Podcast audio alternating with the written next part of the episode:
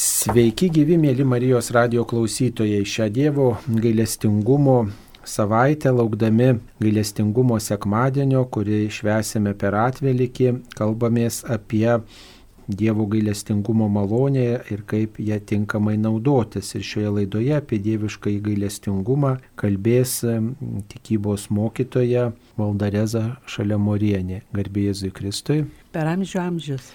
Jūs esate toli Dievo gailestingumo apaštalė, tikrai labai mylite šitą pamaldumą ir tikrai džiaugiatės, kad galite dalintis Dievo gailestingumo patirtimi ir, ir E, su daugeliu žmonių, kurie gal pamiršę ar nepatyrė šios Dievo malonės. E, mėlyms Marijos radio klausytojams primename, kad Dievo gailestingumo kultas paplito ypač nuo 2000 metų, kai popiežius Šventasis Jonas Paulius II e, šventąją vienuolę Faustiną Kovalską paskelbė šventąją, tai buvo pirmoji jubiliejinių metų šventoji, o atvelikis paskelbtas Dievo gailestingumo sekmadieniu, nes šventoji sesuo Faustina Kovalska 1931 metais matė Jėzų ir patyrė iš jo daugybę nuorodų apie dieviškai gailestingumą, paraginimą šį kultą skleisti po visą pasaulį ir Jėzus mm, jai pasirodė ir prašė nutapyti tą regėjimą, kurį ji matė ir tas Dievo gailestingumo regėjimas. Jėzus mm, iš savo krūtinės kleidžiantis malonę primenančius spindulius. Tas paveikslas yra nutapytas e, dailininko Kazimirovskio ir dabar kabo Dievo galestingumo šventovėje Vilniuje ir išplitęs po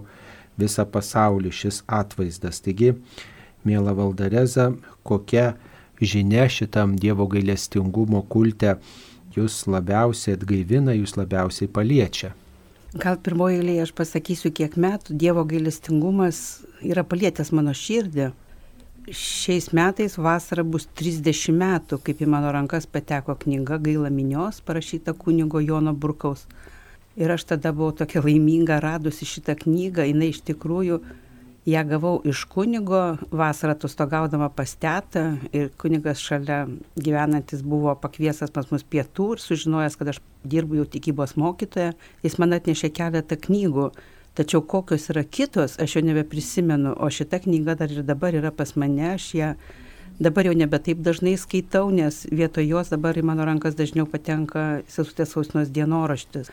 Ir buvo laikas, kad aš iš tikrųjų melžiausi, kad sesutė Faustina būtų paskelbta palaimintoje. Kai ją paskelbė palaimintoje 93 metais, tada melžiausi, kad jinai būtų paskelbta šventaja. Ir štai iš tikrųjų pradedu domėtis Dievo gailestingumu ir jisai labai stipriai paliečia mano širdį. Daug kartų skaityta, daug kartų girdėta, daug kartų stebėtasi, žavėtasi, nes iš tikrųjų tai neišsiamas lobynas, tai kaip sako sesutė Faustina, nes kada pasiekia tavo širdį, kažkaip iš tikrųjų Dievo gailestingumas tai paliečia, kad tai tampa gyva širdyje, labai lengva tuo tikėti. Ir štai dabar, kai mes susitarėm, kad aš vėl ateisiu pas jūs ir mes kalbėsime apie Dievo gailestingumą, iš tikrųjų truputį atsisėdusi permaščiau, apie ką galėčiau kalbėti ir labai stipriai, aiškiai supratau, kad tai yra apie tą Dievo gailestingumo sritį, kurią mes vadiname išpažintimi, apie susitikimą su mūsų mylinčiu tėčiu. Išpažintyje yra didžiausias jo gailestingumas. O išpažintis šiandien žmonėms yra ir turbūt visada visais laikais buvo nelengva užduotis, kol žmogus padaro pirmą žingsnį. Ar tai Dievo malonės paliestas per gyvenimo įvykius, ar pamokytas. Labiausiai žinoma palaimintas yra žmogus, jeigu jisai nuo vaikystės, kada buvo ruoštas pirmai komunijai, galėjo teisingą įvaizdį tų visų dalykų turėti ir priimti. Nes teko iš tikrųjų nemažą būrį mokinių ruošti pirmai komunijai Ir kada su vaikais kalbėdavom apie išpažinti, aš jiems net klausimą užduodavau tokį. Vaikai, ar gali kunigas per išpažinti pabarti, ar gali tik pagirti? Ir panalizuodavom, kad iš tikrųjų, ką nešam kunigui, nešam dvasios šiukšlės. Kunigas, jis tiesiog pareiga turi žmogui pasakyti, kas tai yra. Kartai žmonės labai piktinasi, kad ten at kunigas vieną ar kitą žodį pasakė, bet žinoma būna tokiu atveju, kada jeigu nuoširdžiai atliekam išpažinti, kunigas pagiria ir, kaip sako, jeigu žmogus turi nosnaitę ir sušlapia nuo klausyklos nueina, reiškia, jo širdie darbavosi šventoji dvasia, tada kunigas net padėkoja už tokią išpažinti. Ir štai vat, paskutiniam dienom teko kalbėti su dviem žmonėm ir vat, tiesiog pasidalinsiu, nes ir kitų žmonių gyvenime taip yra. Užkalbinau kaimyną ir kaip tik toks negražus oras, visi labai nori šilto pavasario. Ir aš kaimynui sakau, visi norim šilto oro, bet retas, kuris melžiamės ir Dievo prašom. Ir mano tokio sakinio kažkaip pajudintas žmogus, dar ir tiesiog kiti sakiniai buvo, kad iš jo kalba apie tai, kad jis yra labai geras, jisai nuodėmių nedaro. Į bažnyčią jisai eina du kartus metuose per Kalėdas ir Velykas nelabai turėjau laiko daugiau su juo ginčytis ar ten kažką sakyti tuo metu. Ir, o iš tikrųjų turėsiu galimybę dar su juo pakalbėti ir metuose yra 52 sekmadieniai, žmogus tik du iš jų švenčia ir jam atrodo, kad jis nedaro nuodėmių. Juk iš tikrųjų sekmadienio nešventimas mus atskiria nuo Dievo. Mes nepažįstam jo. Ir štai Dievo gailestingumo apreiškime, sesutės Faustinos dienoraštėje mes randam Jėzaus sielvartus užrašytus kad viešpats prašo, kad žmonės ateitų, viešpats trokšta nuvalyti, jis jau ant kryžiaus žmonėms atleido nuodėmės. Dabar mes einame išpažinti, už kurias išpažintas nuodėmės aš einu priimti gailestingumo ir iš tikrųjų, kad mano širdis būtų gyva, aš einu apgailėti.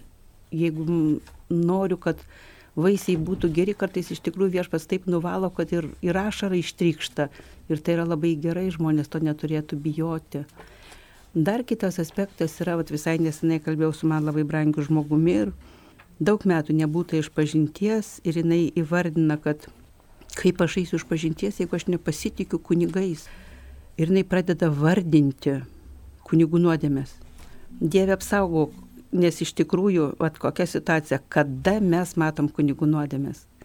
Kai mūsų širdis iki tiek sukėtėja ir nuodėmė mus taip užspaudžia ir mes apleidžiam Kristų visai, kai stojam nebe po Kristaus, o po piktojo vėliavą esame priglausti, mes persimam piktosios dvasios kaltinimu.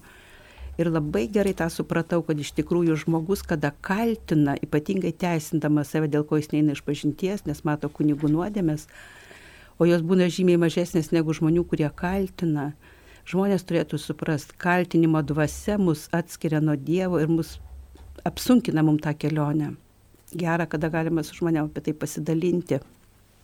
O kaip reikėtų išmokti eiti iš pažinties ir priimti tą Dievo gailestingumą, jeigu kartais e, žmogus e, dėl kai kurių nuodėmių abejoja arba, pavyzdžiui, nesigaili dėl kai kurių nuodėmių, nu, nėra tos gailesčio malonės arba žinau, kad vėl nusidėsiu tą nuodėmę, kaip reikėtų e, save ugdyti šitoj vietoje. Turbūt kaip pačioj pradžioje ir sakiau, o dabar ir dabar kaip įvardinau, turbūt svarbiausias dalykas tai yra sekmadienio šventimas. Yra pastovus skirimas laiko būti ten, kur manęs viešpats laukia. Nes jis ne šiaip savo mūsų laukia. Jau mišių pradžioje, kada gailimės už nuodėmės, jis mažasias nuodėmės mums atleidžia, nuvalo jas. Ir mes girdėdami Dievo žodį, girdėdami homiliją, kiekvieną kartą išeidami faktiškai galime išeiti jau truputį, turėdami labiau širdį atvirą Dievui. Žinoma, jeigu žmogus kurį laiką neėjo iš pažinties, ir jaučia, kad reikėtų eiti, bet va ta baime.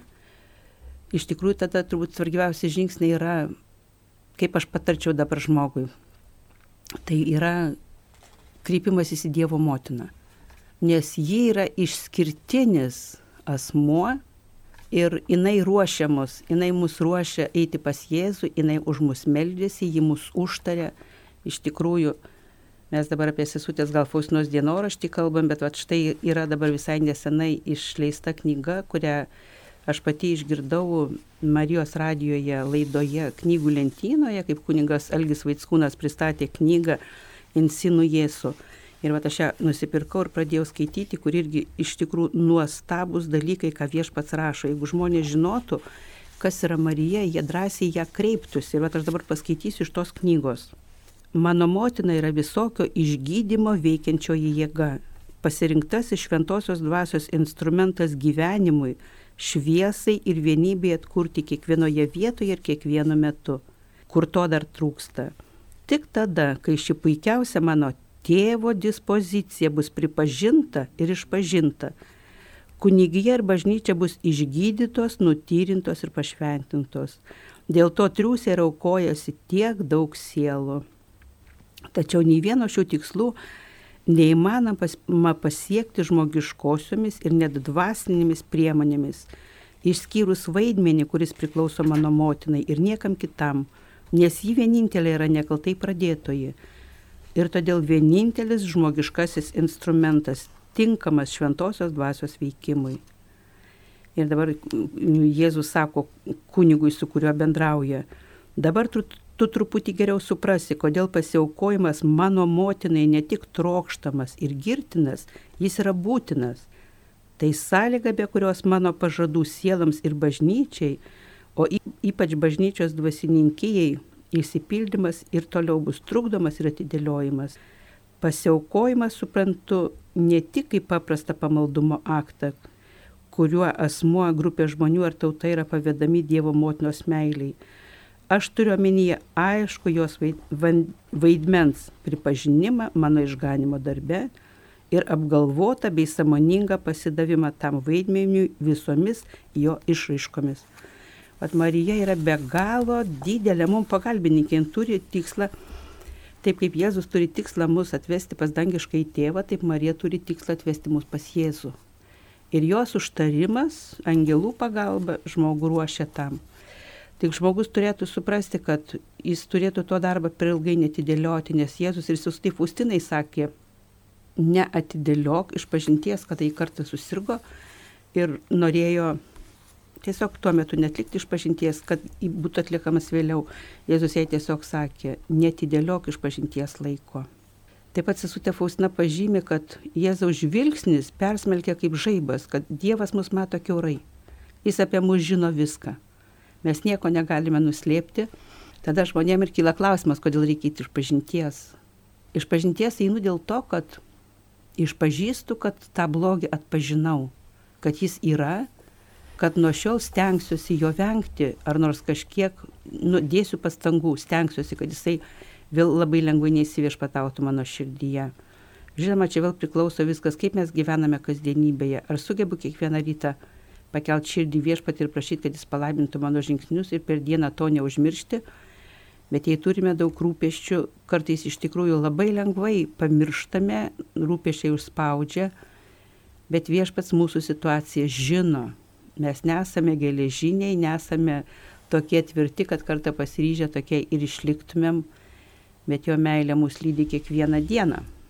Na gerai tie pasiryžimai, bet turbūt tas pasiryžimų ir įgyvendinimas reikalingas, štai pavyzdžiui, kad ir kalbant apie išpažinti, reguliariai atlikti išpažinti, tačiau žmonės susiduria turbūt eidami išpažinties su dviem tokiais dalykais. Viena vertus gėda, eiti ir pasakyti svetimam žmogui savo nuodėmės, antras dalykas nemalonu prisiminti sunkius, skaudžius dalykus ir, ir tiesiog po juos knaisiotis, maloniau gal prisiminti šviesius dalykus, kaip įveikti tą nemalonumą, tokį kalbėti apie sunkius dalykus ir gėdą kalbėti apie tai su, su tuo žmogumi, kuris na, yra visiškai atrodo toli nuo manęs, kad ir kunigas, kad ir gal pažįstamas kunigas, bet vis tiek jis nu, nėra tas aš, kuris supranta ir visas aplinkybės mato.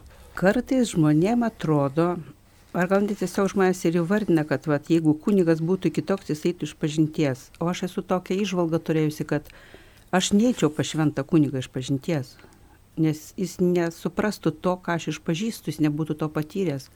O kartą teko net, kada jaunuolius ruošė sutvirtinimo sakramentui, kalbėti su sutvirtinamaisiais.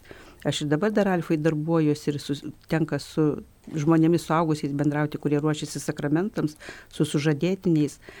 Ir iš tikrųjų vat, yra ta situacija, kada žmogus galvoja, kad jeigu kunigas bus šventas, jam na, bus geriau. Ir aš tada drąsiai iš, išpažįstu žmonėm, kad pagalvokit, kas būtų, jeigu kunigas nebūtų patyręs nuodėmės. Ir jeigu Dievas duoda atgailos mums, mes einam, tai kokią atgailą tada Dievas duoda kunigui. Žmonės turėtų suprasti, kad kunigui Dievui galbūt visai nesudėtinga ir ne per sunku tiesiog tokiom ypatingom malonėm apdovanoti kunigus, kad jie nenusidėtų. Tačiau ką jie veiktų klausyklose, ar jie prisimintų ir kartu raudotų dėl to žmogaus, kuris atlieka išpažinti, ko gero ne. Nes iš tikrųjų yra dar ir taip sakoma, kad šventas žmogus, kuris atlieka išpažinti kunigą, padaro šventų, jeigu jisai kartais būna kunigystėje dar, nu taip, stipriai atsivertęs, o šventi kunigai padaro žmonės šventaisiais savo sugebėjimu žmogui rasti paguodą, padrasinimą ar paraginimą, priminimą, nes iš tikrųjų tai yra pats švenčiausias procesas šiame pasaulyje. Gal kažkaip mes per mažai apie tai girdim, nes iš tikrųjų Mat kaip Vokietijoje sakoma dabar, kad bažnyčiose nebesimato klausyklų bažnyčioje. Jeigu žmogus nori atlikti išpažinti, jis turi susitarti su kunigu, kažkur randa kitą erdvę ir ten jisai išpažįsta. Tai nenormalu, skaitau, kad jeigu jau iš žmonių akiračio yra patraukiama vieta, kur iš tikrųjų vyksta šventumo procesas. Man teko matyti nuostabę sesutės Faustinos, nu ne, ne šitą dienoraštį, bet kitą knygą, tai buvo Šiluvoje, ir joje yra toks nuostabus piešinys, kada yra klausykla ir žmogus palinkęs link kunigo, kunigas link žmogaus ir tokia šviesa nuo jų abiejų į dangų eina, dangų siekia. Juk tai iš tikrųjų tas procesas, kuriame žmogus iš nusidėlio tampa šventuoju, nes šventasis yra tas, kuriam viešpats atleido. Ir va šita visa knyga apie tai liudyja. Daug knygų yra, Bet iš tikrųjų, at, kaip šitą knygą perskaičiau, kai pateko jinai į mano rankas, tai yra virš visų knygų šalia švento rašto. Čia turit galvoje Faustinos dienoraštį. Taip. O va šita antroji knyga Insinu Jėzu, tai yra dabar kitoj pusė švento rašto. Analogiška, nes šita knyga yra ištisas Jėzaus kalbėjimas apie jo troškimą atnaujinti kunigus, bažnyčią ir iš tikrųjų viešpat žvelgia į pasaulį ir mato skurdą mūsų širdžių, kaip mes gyvenam dabar. Ir jis daro viską, kad mes išgirstumėm, atsilieptumėm į tai ir viešpats galėtų veikti, nes jisgi be veikimo negali mum net atleisti, nes tai yra procesas, kuriame žmogus turi dalyvauti, tai turi žmogus šventėti tame procese, o jeigu žmogus ne, to nedaro, be mūsų atsiverimo ir sutikimo Dievo gailestingumo negalime patirti. Ir įkaliname Dievą jo troškime ir jis dar negali įsipildyti kai kurių žmonių atžvilgiu. Taip, tai e, kalbam apie išpažinti, tokį Dievo gailestingumo įrankį, kur tikrai patiriame atleidimą, to atleidimo prašome, tam ruošiamės ir tuo atleidimu bandome gyventi. Tačiau Jėzus pasirodęs šventai Faustinai ir jai kalbėjęs įvairiais būdais, jis kalbėjo ir apie kitus Dievo gailestingumo įrankius per šitą Dievo gailestingumo kultą gal šiek tiek e, keletą žodžių ir apie tai reikėtų pasakyti, kokias malonės šalia tos išpažinties yra, arba kurios gali padėti pasiruošti išpažinčiai, arba palaikyti mus tokioj malonės būsenoje, palaikyti maldos gyvenime, štai kai atliekam išpažinti, kad neatsigręžtume vėl į nuodėmę. Tai ko gero yra pats gailestingumo devindienis, kurį ačiū Dievui šiuo metu, diena po dienos, kartu su gailestingumo šventovės maldininkais mes melžiamės. Viešpas kviečia ateiti ir iš tikrųjų dar daug kas bažnyčioje nepažįsta šito gailestingumo. Apie rožinį jau nemažai žmonių žino, dalis pradeda melstis, žinoma, būtų labai gerai, kad didesnė dalis melstusi. Ir yra šis nuostabus Dievo gailestingumo pamaldumas, kuriame patiriame pirmoje eilėje, kokias grupės Dievas prašo, kad mes maldoje apkabintumėm. Po to yra gailestingumo vainikėlis, kuriame mes melžiame už save ir už visą pasaulį, kas yra labai svarbu. Yra gailestingumo litanija ir galiausiai susisutė Faustina prašymas, kad viešpats perkeistų mus. Ir iš tikrųjų žmogus jau gali pradėti melsis dar ir iš pažinties netlikdamas, leisdamas, kad Dievo malonė liestų jo širdį, kad jis galiausiai galėtų apsispręsti ir žengti tą žingsnį.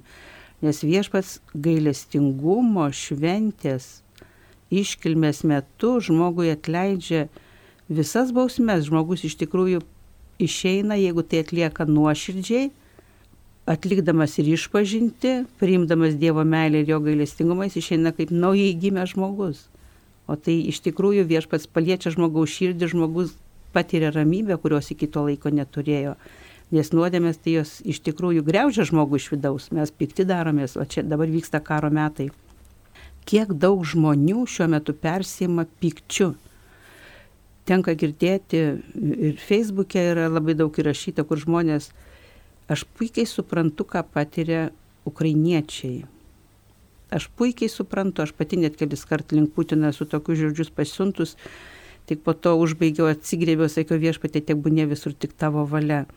Nes ta kančia, kurią žmonės patiria, bet negalima melstį Dievo gailestingumo ir čia pat sakyti prakeikimo ar ten nepykanto žodžius, kaip dabar įvardina, kad ten kiek kartų ukrainiečių neapkes rusų tautos. Šitais veiksmais mes tiesiog neleidžiam Dievui gydyti pasaulio ir tie dalykai, kas vyksta dabar pasaulyje, kartai žmonėms yra sunkiai suprantami, o dabar iš tikrųjų realiausiai galime suvokti, ką Kristus nuo kryžiaus pasakė, begalinę kančią patirdamas, kaip jis ištarė, tėve atleisk jiem. Ar mes sugebėtumėm tai pasakyti, ar mes sugebam, ar bent sugebam išgirsti, ką sako Jėzus, kad jo pavyzdžių, jo pasakytų žodžius, kurį laiką galėčiau nešiotis širdyje, kad galiausiai, nes kiek tenka susidurti ir su kitais žmonėmis, kurie naudojasi Dievo gailestingumu, jau eilę metų yra tikintis ir atsivertę žmonės, jie gal net kažkiek stebis ir sako, kad šitas siaubas bet vis tik širdie nepykantos nekyla. Kažkaip viešpats duoda tą begalinę širdies ramybę, kad galėtum išlikti žmogumi. Ir tada lengviau yra suprasti įvykius, kurie vyksta dabar. Taip, žmogumi išlikti padeda broliškumas turbūt ir, ir tokia atvira širdis, kuri klauso Dievo, kuris tengiasi Dievo valią įgyvendinti.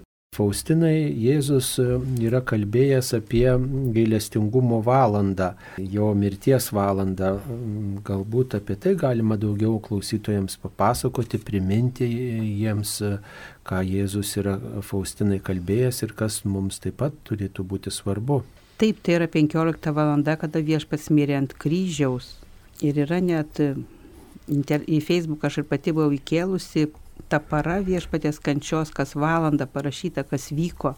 Ir vat 15 valanda tai yra valanda, kada Jėzus ištarė, tėviai tavo rankas atiduodu savo dvasę. Prieš tai dar ištaręs atlikta, kad jis įvykdo išganimo darbą ir didžiausia kančia už mus pasiaukoja. Ir viešpas ir prašo šitos valandos, esu tai Faustinai sako, jei gali tą valandą nors trumpam, užeik į koplyčią ir apmastyk mano gyvenimą tapk bendradarbiu mano išganimo darbo, kad tai, ką aš padariau, kuo daugiau žmonių išgirstų, o tie, kurie neišgirsta, kad būtų apkabinti tavo besimeldžiančios koplyčio ir bemastančios apie Dievo meilę ir gailestingumą. Nes tie, kurie esame jau atradę Dievo gailestingumą, mes iš tikrųjų dabar darome tą viešpaties prašytą darbą malda apkabinam visą pasaulį, kad pasaulis iš tikrųjų va, tą broliškumą išgyventų, nežvelgtų į kokios tautybės žmonės esame, bet mokėtum, kad Dievo meilė apkabintų visus, galėtumėm prašyti.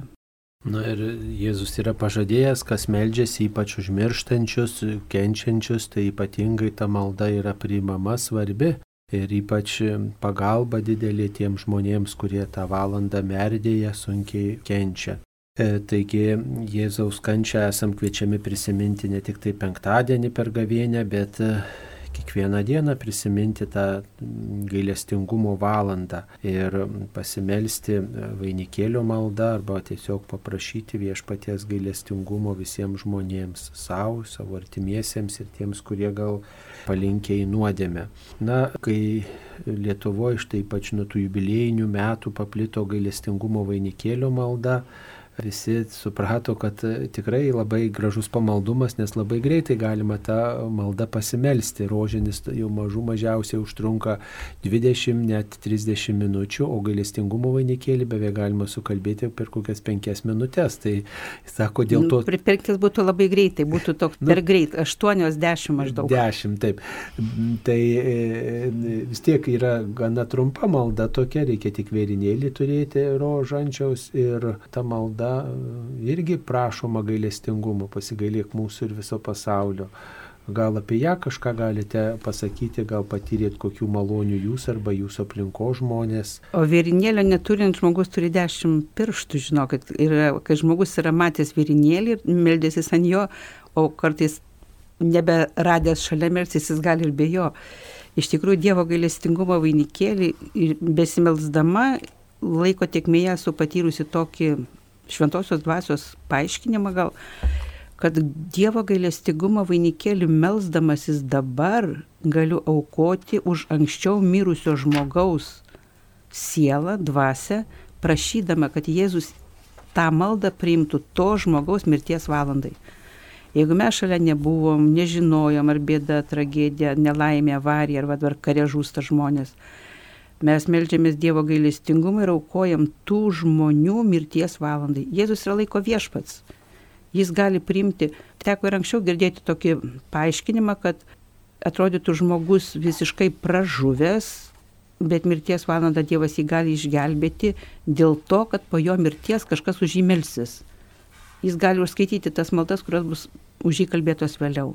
Tai viešpats žymiai taip pat nori ir šitą, nes dėl pražuvusių sielų viešpats įvardina, aš kenčiu mirtiną liūdėsi, o aukodami už mirusius mes iš tikrųjų stengiamės darbuotis, kad viešpačių nereiktų to mirtino liūdėsio patirti.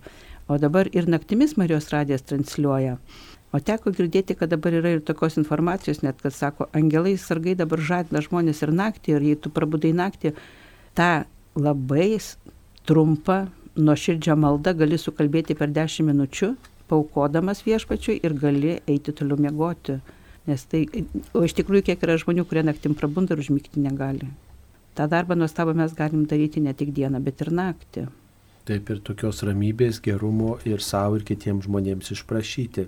Dar e, šitą visą gailestingumo kultą lydi tas trumpas e, atodusis, trumpi maldo žodžiai Jėzau pasitikiu tavimi. Gal visi mes girdėję tuos žodžius, dažnai ir ištarę tuos žodžius, bet e, reikėtų turbūt gal truputį pasigilinti jų prasme, ką reiškia pasitikėti Dievu, pasitikėti Jėzumi, jam pasakyti Jėzau pasitikiu tavimi. Ką reiškia tas pasitikėjimo pasirinkimas? Tikėjimo pasirinkimas, pasitikėjimas Jėzumi, tai yra savo gyvenimo sudėjimas į jo rankas, į jo širdį, patikėti, kad Dievas tau linki paties geriausio. Ir jeigu kažkas vyksta tavo gyvenime, net atrodytų, kad tau nepriimtina, nenorima, turėtum atpažinti, suprasti, kodėl tai vyksta, kad galėtum teisingai pasielgti. Kartais susidurėm tokiam situacijom, kurios mums nemalonės, bet jas būna kartais ne mūsų darbų padarinys, o kitų žmonių elgesio. Ir mes teisingai toj situacijai elgdamiesi visada ir meilėje tobulėjam ir padedam išspręsti problemas.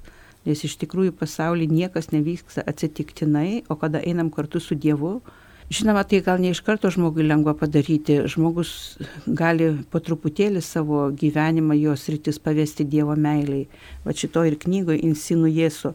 Jėzus irgi pabrėžia apie tą pasitikėjimą ir prašo kunigo, kad tu pasitikėtum mano gailestingą meilę. Tai yra toks trumpas atodusis kunigo, Jėzau myliu tave ir pasitikiu tavo gailestingą meilę. Nes iš tikrųjų tik iš kryžių žvelgdami mes galim suvokti iki kiek, o gal net ir suvokti pilnai negalim tik iš dalies, kaip be galo Dievas mus myli ir kaip brangiai mes jam kainavome.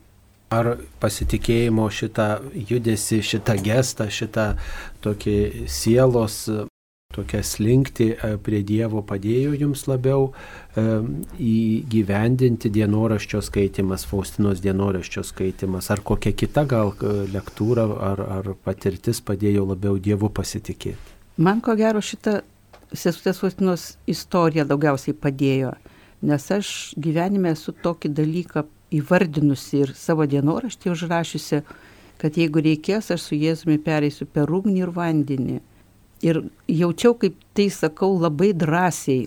O tai ko gero galiu dabar pripažinti, kad na, tiesiog jaučiau, kad Dievo malonė veikia manyje. Ir paskui po, po pusmečio, gal daugiau, po kiek išlindo onkologinė lyga. Ir tada irgi nebuvo niekas per sunku. Ir paskui tikrai prisiminiau toj situacijoje, kad visą laiką mano širdie buvo ta žinia, kad su Jėzumi aš galiu per viską perėti ir pereisiu. Ir va čia yra nuostabiausias dalykas, jeigu mes galime taip rinktis, pasitikėti jo gailestingumu. Tada nereikia dėl nieko per daug pergyventi, o kas nebeatsitiktų, kur nebepakliūtum, tu žinai, turi žinę širdyje, kad Dievas yra kartu su tavimi. Vat ir šiandien karo metu žmonės klausia, kodėl Dievas leidžia, kur Dievas yra. Dievas yra su kiekvienu iš mūsų. Dievas kenčia mumise, o agresoriaus širdyje labiausiai pergyvena labiausiai kenčia, Kartai žmonės sako, kad va, jeigu žmogus yra agresorius, pradėjo karą, Dievas apleido. Bet aš galvoju, jeigu Dievas apleistų tą žmogų, tas žmogus mirte numirtų. Juk be Dievo malonės mes neišgyventumėm. Reiškia, Dievas yra tame žmoguje, bet jis kenčia. Ir padėti jam galime mes, melzdamiesi už tą žmogų. Pačiai teko susidurti vat, su tuo klausimu, kai man pasakė, gana artimas žmogus, aš už ukrainiečius galiu melsis, bet vat, už rusus, už Putiną jokių būdų ne. O aš tai suprantu, kad melzdamasi už Putiną, aš melžiuosi Jėzui esančiam Putino asmenyje. Aš tampu paguoda Jėzui, nes vat ir knygoje Insinų Jėzų, Jėzus prašo kunigo ir sako, paguosk mane. Dievas be galo mylėdamas trokšta būti mylimas ir laukia mūsų meilės ir paguodos. Nes labai daug žmonių bėga per gyvenimą, jiems atrodo, kad jie nuodėmių specialiai nedaro, jie užsijėmė savo gyvenimu ir kaip įvardina, Dievas geras, gailestingas, jis mato, jis žino, jis supranta, jis man visada atleis. O kad reikia santykių, kad tas santykis mūsų ugdo, mums sparnus duoda gyvenime, išmoko pažinti Dievo širdį ir leidžia netgi kartais išgyventi jo širdies pulsą.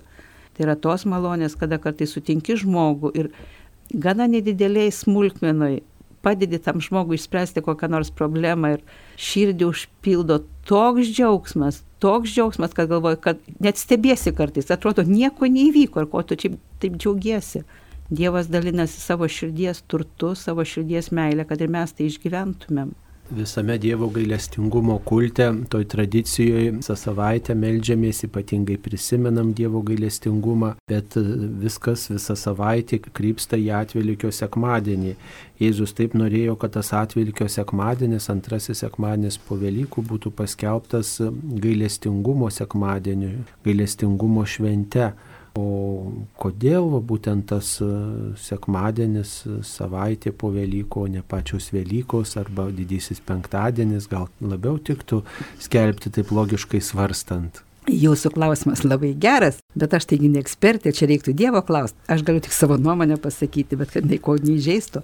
Velykos yra per arti kančios. Čia buvo labai stipri kančia ir jeigu kas iš tikrųjų mąstė apie Kristaus kančią, Velykos tai yra pirma žinia, kad Jėzus prisikelia, kad jis yra gyvas ir žmogui reikia va to pasiruošti gailį, nes neišeitų, va dabar tokia mintis atėjo, ko gero šventosios dvasios, ačiū, nes gailestingumo šventėje mes ruošiamės. Ir mums va šitų maldų kalbėti tuo metu, kai reikia apmastyti kryžiaus kelio stotis, mums nebeišeitų.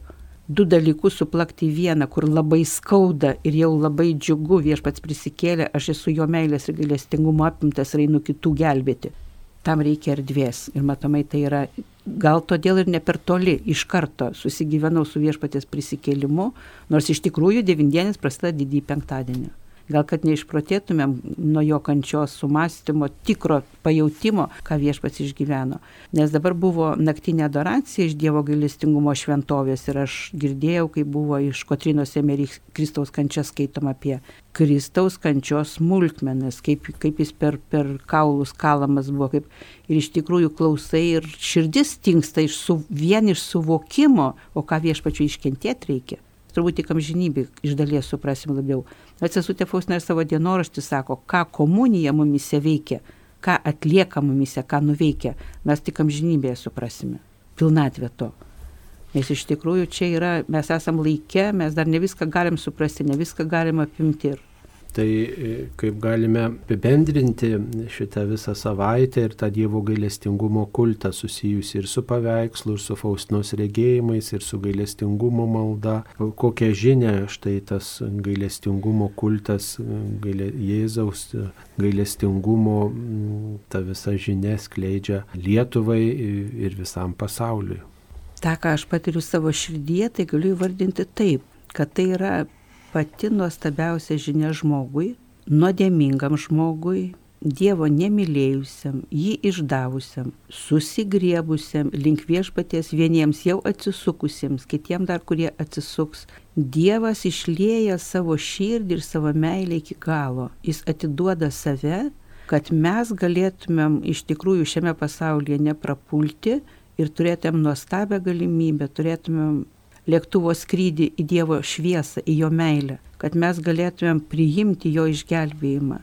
Iš tikrųjų tai yra Velyką žmonės švenčia, tik jie nežino, kas yra Velykos. Dabar, kai paskaitai žinutę žmonių, jie visi sveikina su pavasario gamtos atbudimo švente ir kartais perskaitai žinai, kad tas žmogus meldžiasi, net gailestingumo maldas moka ir meldžiasi, bet sveikina ne su Jėzos prisikėlimu, ne su jo meilės mums atidavimu, bet su pavasario pabudimu. Ir va todėl žmonėm atrasti va šitą gailestingumo pamaldumą, tai taip pat yra ir iššūkis, ir labai didelė malonė. Ir aš tikiu, kad dėka tų, kurie jau meldžiasi ir meldžiasi už pasaulį, būrys tų žmonių, kur kiekvieną kartą atranda, didėja ir, ir visos bėdos vis tik turi baigtis ir tas pats karas turi liautis, nes Dievo, aš kaip atsimenu, net Facebook'e mačiau, kaip žmonės įkėlė tokį paveikslą, kaip virš Ukrainos pasilenkęs Jėzus, gailestingasis Jėzus, matosi jo einantis spinduliai, kraujas ir vanduo, tiesiog priglaudęs Ukrainą.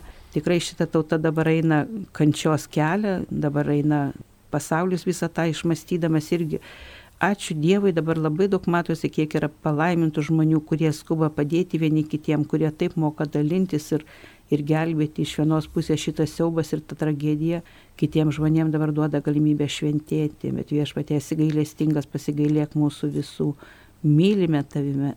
Mylime tave ir pasitikime tavo gailestingą meilę. Padėk dar labiau pasitikėti. Na, šią laidą baigime ištrauką iš Šventojios Faustinos dienoraščio, kuriame užrašyta tokia malda. Mano Jėzau, persmelk mane visą, kad galėčiau tave atspindėti visų savo gyvenimu. Pripildyk mane dieviškumo, kad mano darbai turėtų ant gamtinę vertę. Padaryk, kad kiekvienai bei išimties sielai turėčiau meilės, gailesčio ir gailestingumo, O mano Jėzau, kiekvienas tavo šventasis atspindi vieną tavųjų darybių. Aš trokštų atspindėti tavo gailestingą ir gailesčio kupiną širdį, trokštų ją šlovinti. Tavo gailestingumas, o Jėzau, te būna įspaustas mano širdyje ir sieloje kaip anspaudas. Tai bus mano ženklas šiame ir busimajame gyvenime. Garbinti tavo gailestingumą yra išskirtinė mano gyvenimo užduotis. Ir aš labai norėčiau užbaigti dar vienu dalyku, palinkėdama visiems, kas šią laidą girdi. Sesutės Faustinos dienoraštyje yra Jėzaus skundas, kuriame jisai sako, yra sielų, kuriuose nieko negaliu nuveikti. Tai aš jums linkiu, kad jūs niekada nebūtumėt tokiais, kuriuose Dievas negali nieko nuveikti. Tegu jūsų širdis būna atviros Dievo meiliai, nes ji yra pati nuostabiausia. Amen. Ačiū mielai tikybos mokytojai Valdarezai šalia Morieniai, kuri pasakojo apie Dievo gailestingumą, kaip juo naudotis ir niekuomet nepamiršti, kokių malonių galime gauti per šią tradiciją, per šį pamaldumą, per šią dieviškąją savybę, ją įdėkdami į savo gyvenimą ir priimdami iš Dievo šitą didžią dovaną tikybos mokytoja Valdareza, laidoje kalbino aš kunigas Saulis Bužauskas. Visiems linkime Dievo gailestingumo patirties. Ačiū sudė.